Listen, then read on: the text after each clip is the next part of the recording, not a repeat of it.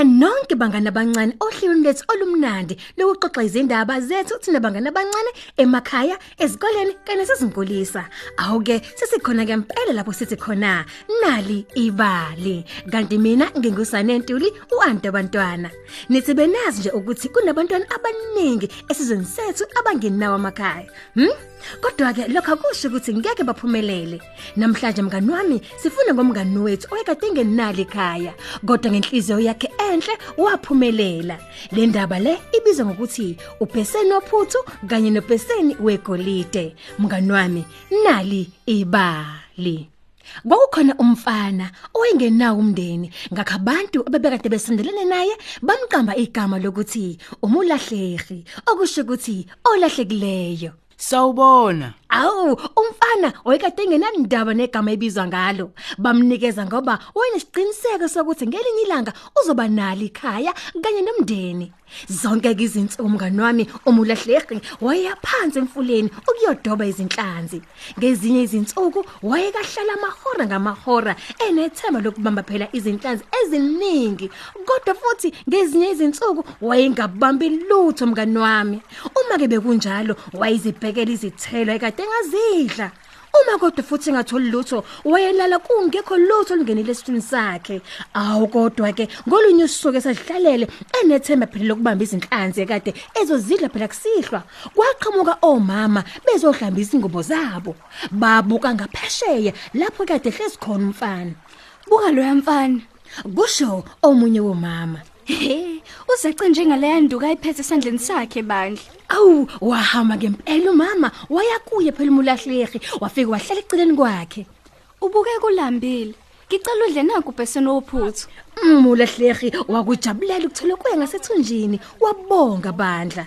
Njalo kumefika lo mama uzohlamba izingubo zakhe wayembona aye kuye afika amnikeza ubheseni wophuthu ebese yabonga. Ngiyabonga. Ngelinye ilanga nizoyithola indlela yokukhokhela ngomusa wakho. Nebala mngani wami safika isikhathi sokukhula kamfana. Impela wayeseqala ukuba yibhungwana lensizwa. Wayezizwa egcwele amandla ngokwanele ukuba phela asibhekele ekhaya kodwa kuzophela ngelakhe. Ayigcineni saze safika isikhathi sokuthi ahambe.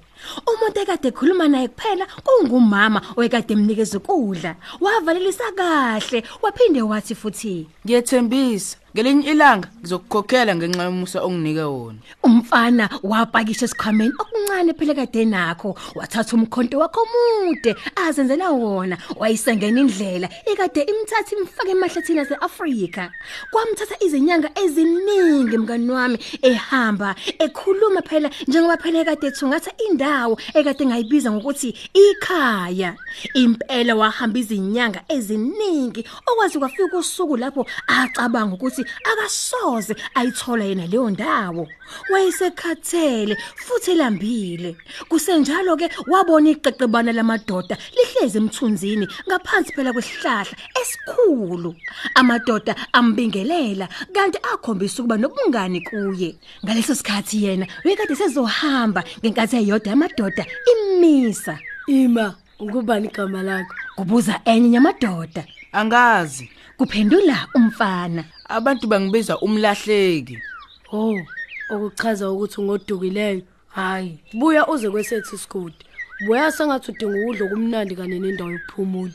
mngani wami umulahlehi wabesehamba kanye nabo kanti wonke umuntu wamamkela kuleso sigodi lapho wayazi ukuthi ekugcineni uzoba nalo ikhaya kanye nabangani wasebenza kanzima ezikhandla wayesiza wonke umuntu edinga usizo. Wayenomusa futhi enamagama amnandi ayewasho. Wayethanda iwona wonke umuntu esigodini ngisho nenkosi imbala ikade isigugile kodwa yona ikade ingenawo amadodana.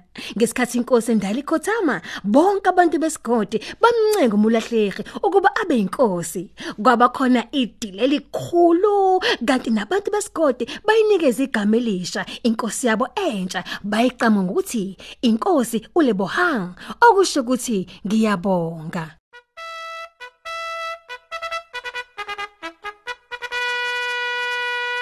Into yokuqala mngani wami eyenziwe inkosi Lebogang yathumela iqembu lamadoda. Ngesikhathi libuye leli qembu labuya nomama okade semdala owayesaba bandla lo mama ethukile. Wafike waguqa phambi kwenkosi.